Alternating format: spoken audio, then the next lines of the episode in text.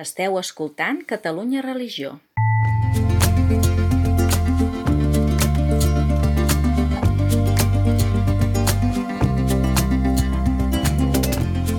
Converses en la frontera, un podcast de Gabriel Jaraba i Xavier Morlans.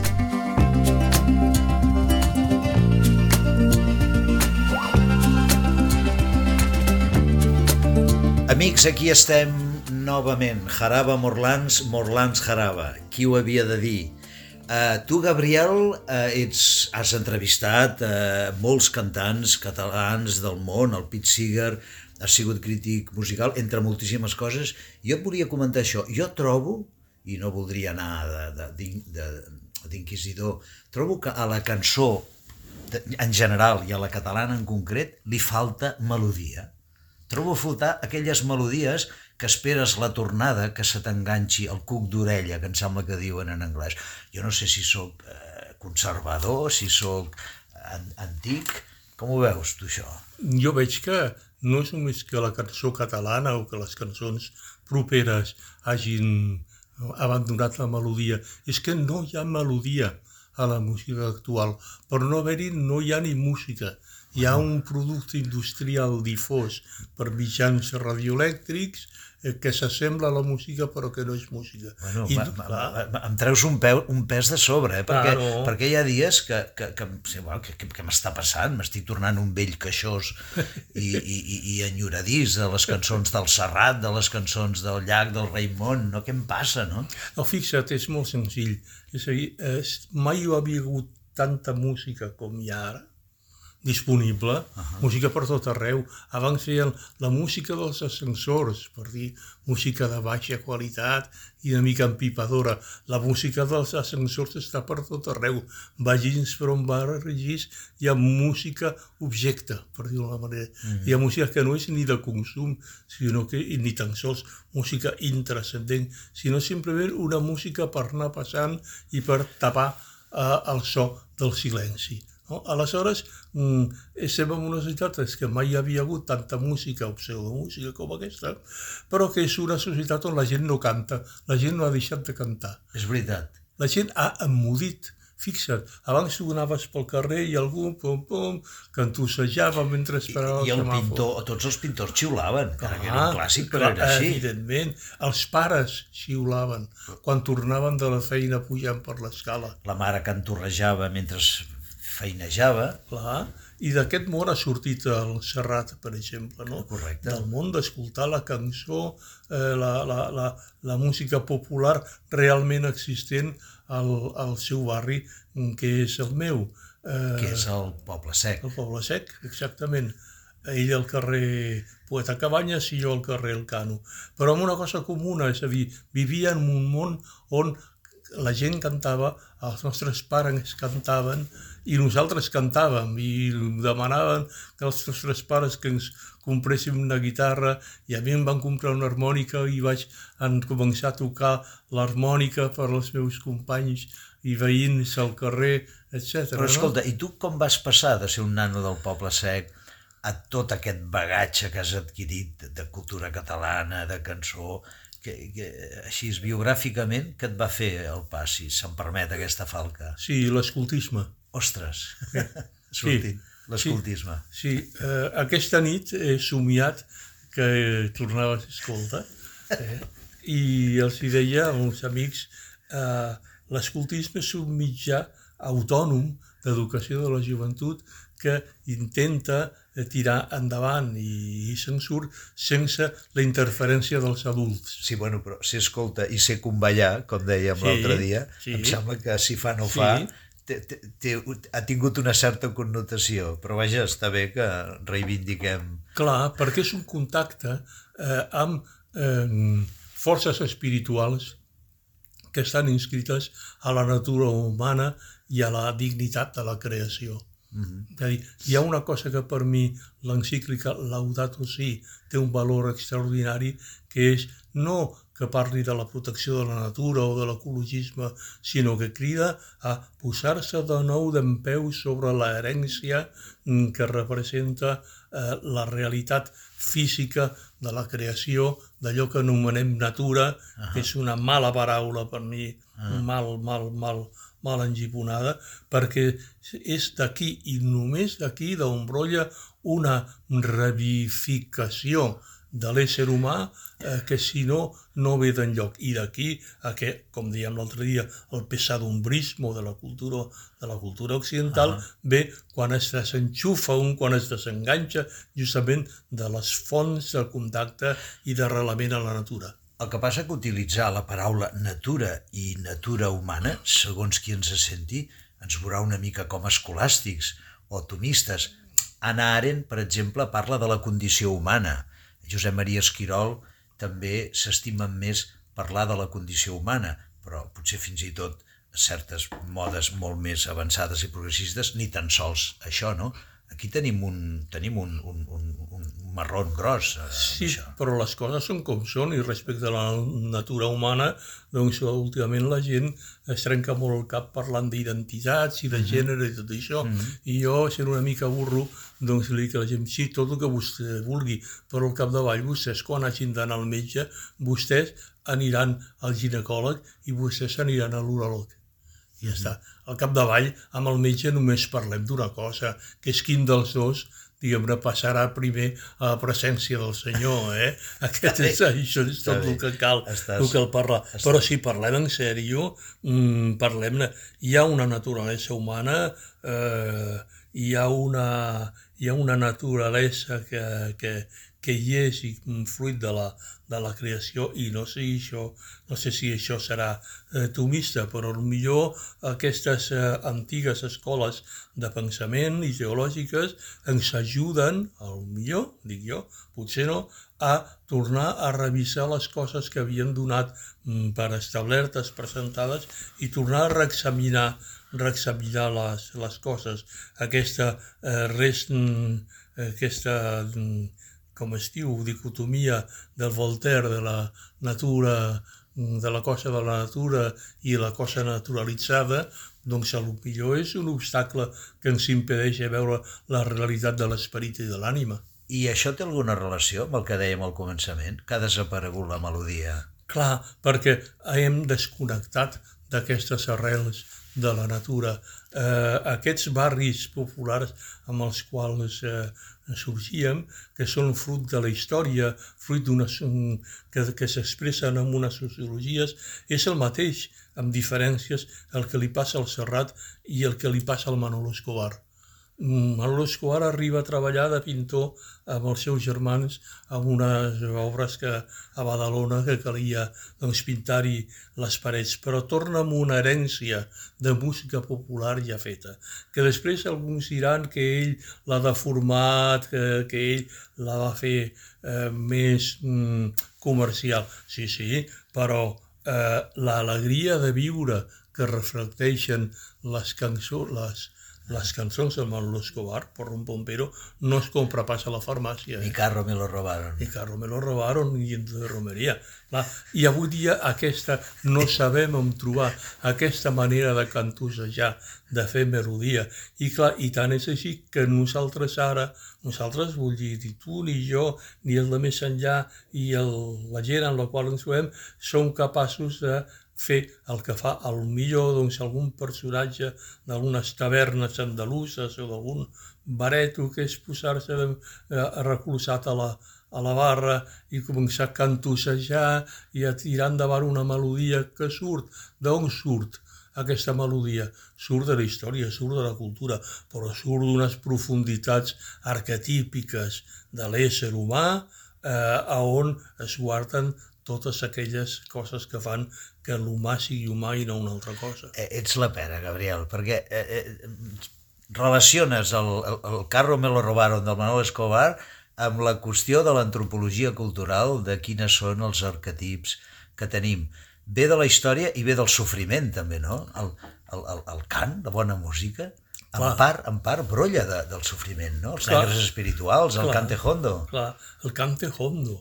Eh, el, els gitanos que arriben a, a, a Espanya fent tot un recorregut fugint de les guerres eh, que ells els fan fora dels seus territoris, a Bengala, del Punjab, probablement, eh, les grans invasions musulmanes a la Índia, que la Índia mm, vèdica, eh, hinduista, per d'una manera, no resisteix gràcies a la gran cohesió que té com a societat de classes. Després se'n pagaran ells la, Les la- conseqüències. les conseqüències no? Les castes. les castes. Eh?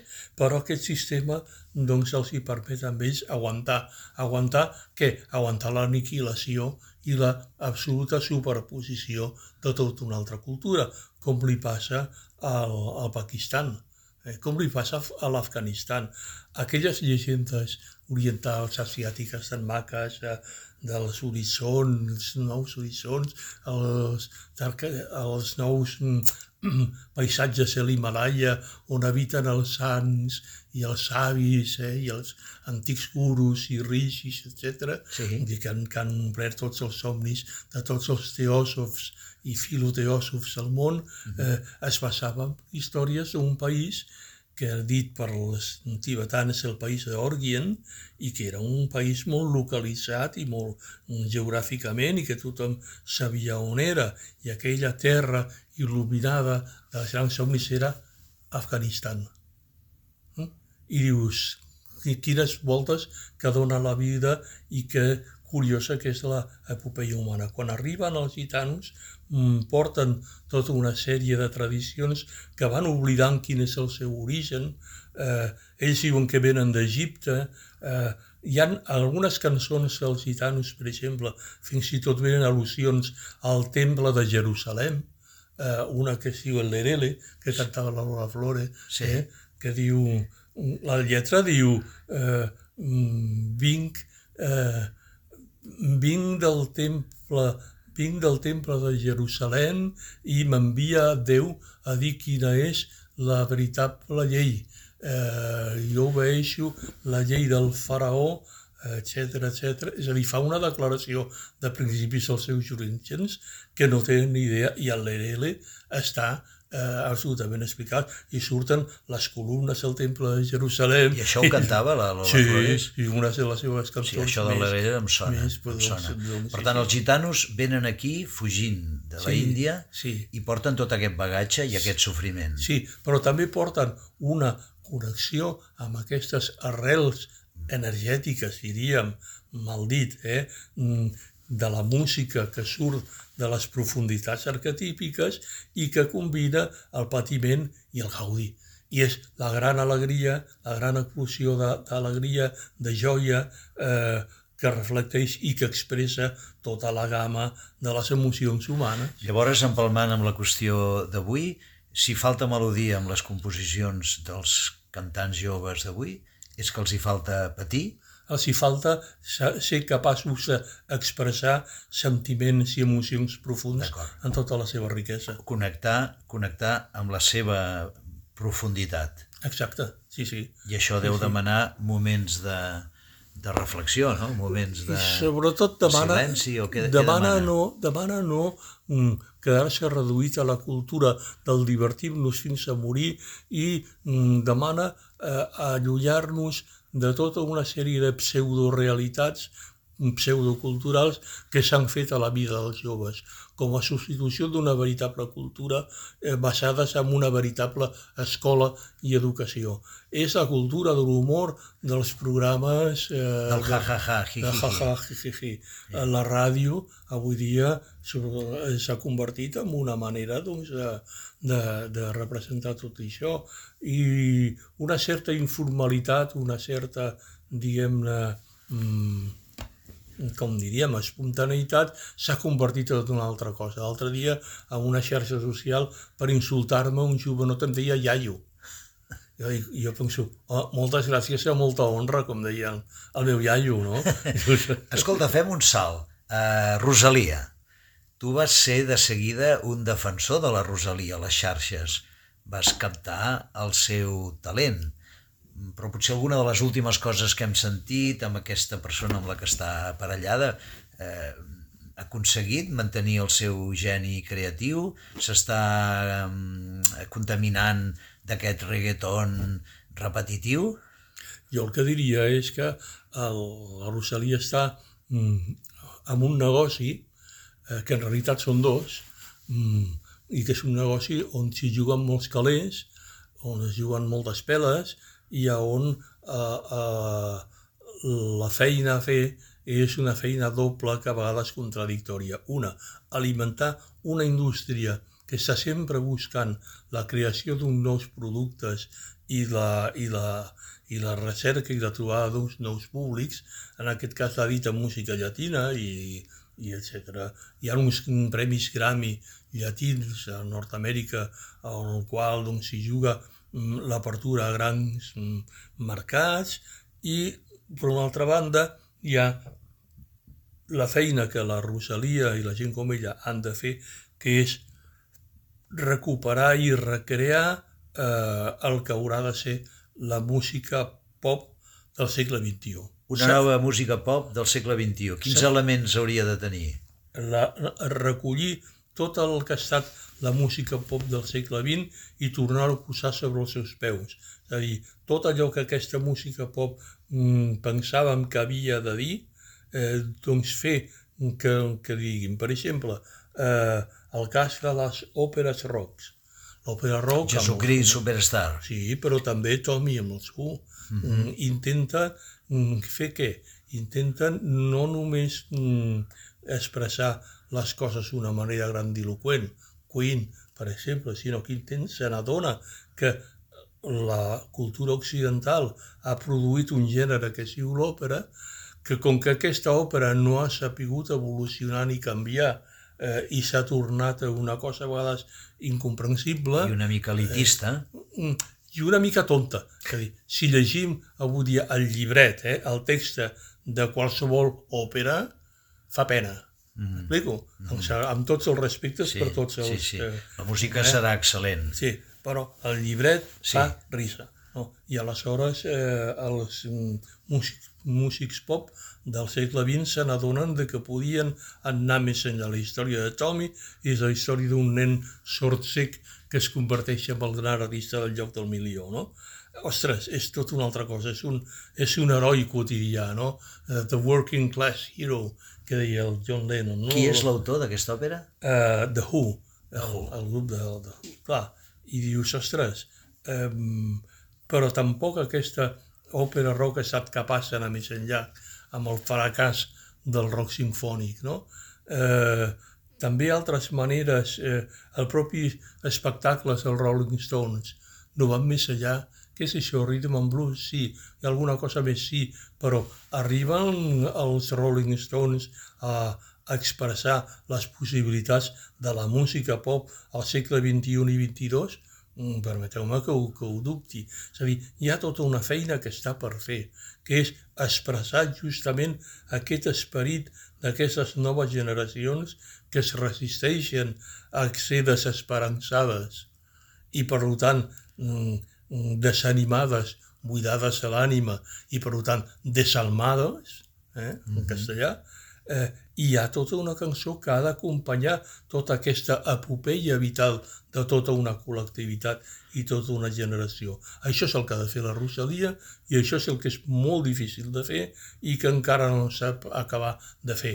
Amb una síntesi de tot el que ha estat la música popular del segle XX per rellançar-la d'una nova manera, noves perspectives i noves mm, possibilitats al segle XXI. I aquesta manca de melodia en la majoria de música d'avui, d'on creus que ve això? On, on està la mare dels ous d'aquesta cosa d'encefalograma pla? Perquè ja han perdut, és a dir, ja tenim pares i pares que no, que no xiulen ni mares que no cantussegen. Uh -huh. eh? No tenim eh, treballadors manuals i de la, a prop que en la seva en les seves cantorreries, per dir-ho sí. manera, ens forcin, és a dir, no hi ha... I que s'han perdut fins i tot gestos i actituds com anar cantussejant mentre vas pel carrer o esperes l'autobús, o jo mateix, clar, si jo anés pel carrer com a 1959 tocant l'harmònica una cançó, la gent pensaria que si boig. Mira, mira, poso ara aquí mateix, a un carrer de l'Eixample, sí. trec l'harmònica Hauner, que encara en tinc, bueno, en tinc vàries, no? I em poso a tocar, i tot mentre camino, i la gent diria, on va aquest xorra, no? Escolta, i, i, i m'imagino que l'escola alguna relació deu tenir en això, i no és que ens vulguem posar ara a donar, a donar lliçons als mestres, no? Però està, estem parlant de lo que constitueix l'individu, del que el fa tenir una capacitat de creativitat, de reflexió, d'improvisació. déu nhi no? Jo crec que a l'escola hi ha hagut una mena de, de, de, de confusió eh, que, que ha fet que, que prescindíssim i que acabéssim amb l'escola autoritària, mm, però que no hem estat capaços de crear una nova escola alliberadora. Al somni no hi ha només de Maria Montessori, sinó de Paulo Freire, per mhm, -huh, exemple. Uh -huh. eh, doncs no ha estat capaç doncs, de, de tirar endavant. Eh, no és estrany, és a dir, quan avui dia aquests intel·lectuals o, o cultes passadombristes eh, se'n riuen dels llibres que diuen autoajuda, despectivament, i d'aquest optimisme que consideren barat i ingenu amb el millor dels casos, se n'estan enfotent a la cara d'en Paulo Freire, el gran educador brasiler, que parlava justament de l'educació i l'alegria, la joia de viure, la joia de vivre en francès. I la, i la conscientització, eh? no? Exactament, en, en saber qui és i cap on, cap on has d'anar.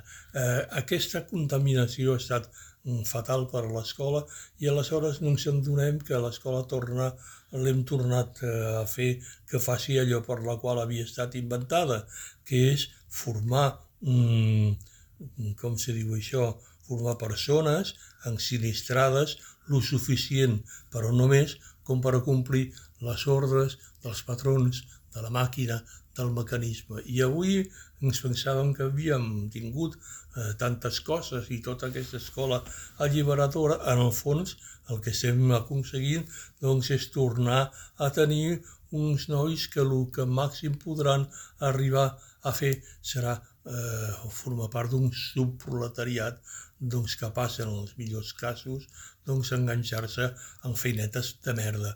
Observem l'estat de, de la joventut treballadora al nostre país, a Espanya en general, eh, i veurem quin és el resultat i la realitat de les coses. Hi ha una escola que és la que és perquè és la que forma l'ensinistrament d'autòmates, en el millor dels casos, que sàpiguen automatitzar, en el pitjor dels casos, un nou subproletariat capaç de complir ordres en aquest país de cambrers. I això és així. O sigui, eh, l'escola autoritària que vam conèixer tu i jo quan érem petits, l'època del, del franquisme, era d'allò, la letra con sangre entra, però ara, rient, rient, i volent fer-ho tot entretingut, en el fons diries que hi ha la mateixa intencionalitat que surtin ciutadans poc crítics, poc creatius, la intencionalitat d'allò que dir al revés te lo digo para que me entiendas. No? Yeah. És a dir, el resultat és el, el resultat és el mateix, és exactament el mateix. Bueno, amics, ja ho veieu. Eh, esperem que a les vostres vides hi hagi més melodia i, per què no, xiular pujant l'escala, no, no, no és pecat, no? Feu la prova. Eh, quan sortiu al carrer per anar a fer un recal, eh, cantussegeu una cançó que us passi pel cap i que ho sentin, eh? que faci no, no, no, no, i que la gent gira el cap i que fa aquest poca solta, no? O xiuleu, simplement. Xiular, no? xiular. O xiuleu, per exemple, no? Sigueu, torneu a ser els pares que xiulen i que són recordats així pels fills. Us deixem amb aquesta recomanació. Adéu-siau, fins la propera.